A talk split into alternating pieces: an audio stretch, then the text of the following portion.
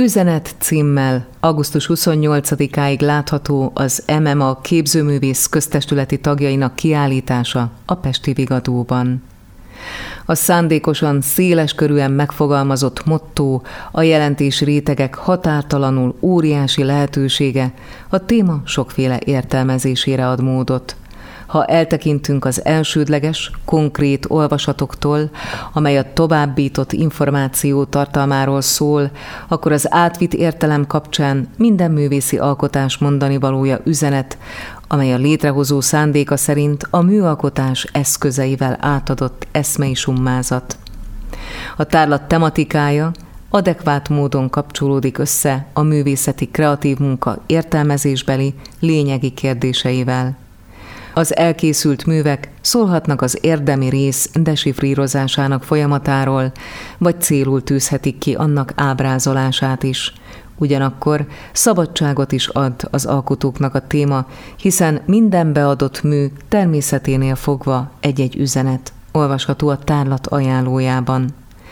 Az Üzenet című kiállítás kurátora dr. Nátyi Róbert művészettörténész és Sárkány Győző grafikus művész, közgyűlési képviselő, akitől azt is kérdeztem, hogyan állt össze az Üzenet című tárlat terve a Magyar Művészeti Akadémiának, a képzőművészeti szekciónak vagy tagozatnak 128 tagja van, de ez a legnagyobb tagozat különben. A hívó szó ugye ez az üzenet volt, amit Nátyi Robert művészettörténész barátommal mi elképzeltünk, kitaláltunk, ez volt a hívó szó, ahogy ön is említette.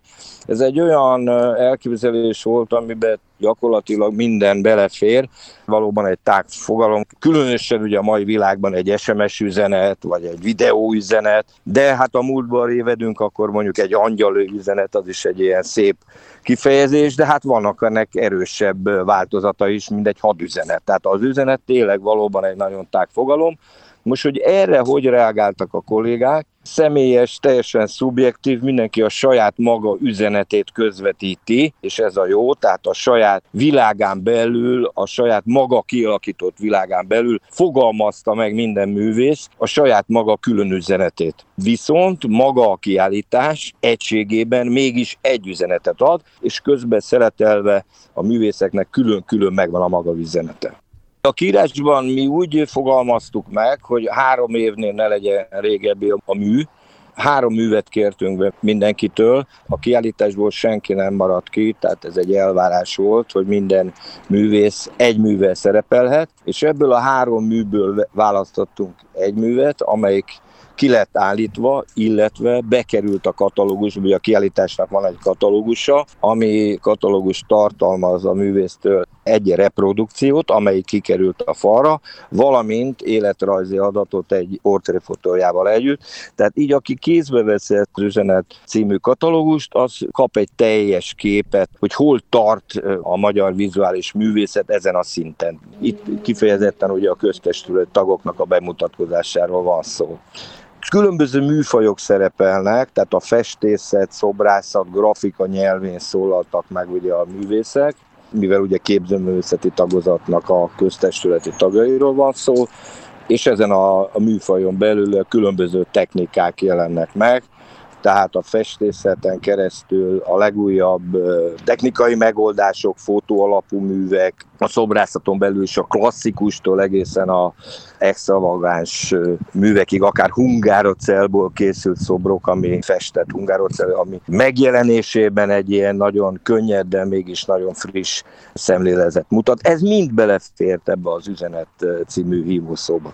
A beszélgetés korábbi perceiben utalt rá, hogy egyéni üzenetek és természetesen egy összművészeti üzenet is megjelenik ezen a kiállításon, de ha meg lehetne határozni, hogy melyek azok a jellegzetes életérzések, amelyet most közvetítettek a meghívott művészek, akkor föl lehet ezt vázolni. Van egyfajta összekötő kapocs a megjelenő művészeti alkotások között szerintem atomizált művészekről van szó, tehát a dolgok azért nem ennyire egységbe jelennek meg. Azonban, amit ön kérdezett, azért mégiscsak reagálni szeretnék, akár a saját művemmel is, hogy az elmúlt időszaknak járványhelyzete, ez mindenképpen egy meghatározó dolog volt, egyes művészeknek az életében egy elmélyültséget okozott, gondolkodásban, stb. Tehát a művekben is jelenik meg ebből, tehát leszűrődik. Nálam hozott egy elmélyülést, és új műfajoknak a megjelenését, vagy új eszközökhöz nyúltam, pont emiatt a járványhelyzet miatt, hogyha lehetne most ennek a kornak egy ilyen fölvázolása, ez mindenképpen ebben a szerkezetben megjelent. Említette, hogy atomizált módon jelennek meg a művészeti alkotások, de van esetleg mégis olyan művész, akivel ön, mint egyúttal kiállító művész, mégiscsak nagyon erős rokonságot érez az alkotásaikon keresztül? Itt most ebben a mezőnyben inkább harmóniában, színösshatásban érzek összecsengéseket, nyilván vannak mindig összecsengések, de ugye a képzőművészet az egy kicsit olyan magányos művészetnek tudnám nevezni, tehát mindenki a saját kis elefántcsont toronyában készülődik, természetesen vannak művésztelepek és vannak közösségi fórumok, ahol együtt is alkotnak művészek, én ilyen magányos farkasnak tartom magam, aki egyedül szeretem az alkotásokat létrehozni, és ez a magányban lévő elmélyültség tudja kikristályosítani bennem azokat a műveket, amik megjelennek. Ez áll hozzám közel, ez a fajta alkotói módszer, viszont vannak nagyon kedves barátaim, akikkel nagyon jobban vagyok, ők viszont szeretnek művésztelepre járni, szeretnek közösségbe lenni, és ez megtermékenyítően hat a, a munkáik játékra. Ami számomra megtermékenyítően hat, az a közösségbe való részvétel vagy művészet szervezés, azt viszont nagyon szeretem, de maga az alkotói folyamat számomra teljesen egyéni módon, szubjektív módon történik. Sárkány Győző grafikus művésszel, közgyűlési képviselővel beszélgettem az Üzenet című tárlatról, amely a Magyar Művészeti Akadémia képzőművész köztestületi tagjainak kiállítása, a Pesti Vigadóban látható egyébként a tárlat augusztus 28-áig. Kedves hallgatóink, a Pannonhalmi főapátság terein augusztus 26-a és 28-a között ismét várják a látogatókat a 18. Arcus Temporum Pannonhalmi Művészeti Fesztivál szervezői. Erről hallhatnak további érdekességeket a Papagéno Klasszik folytatásában.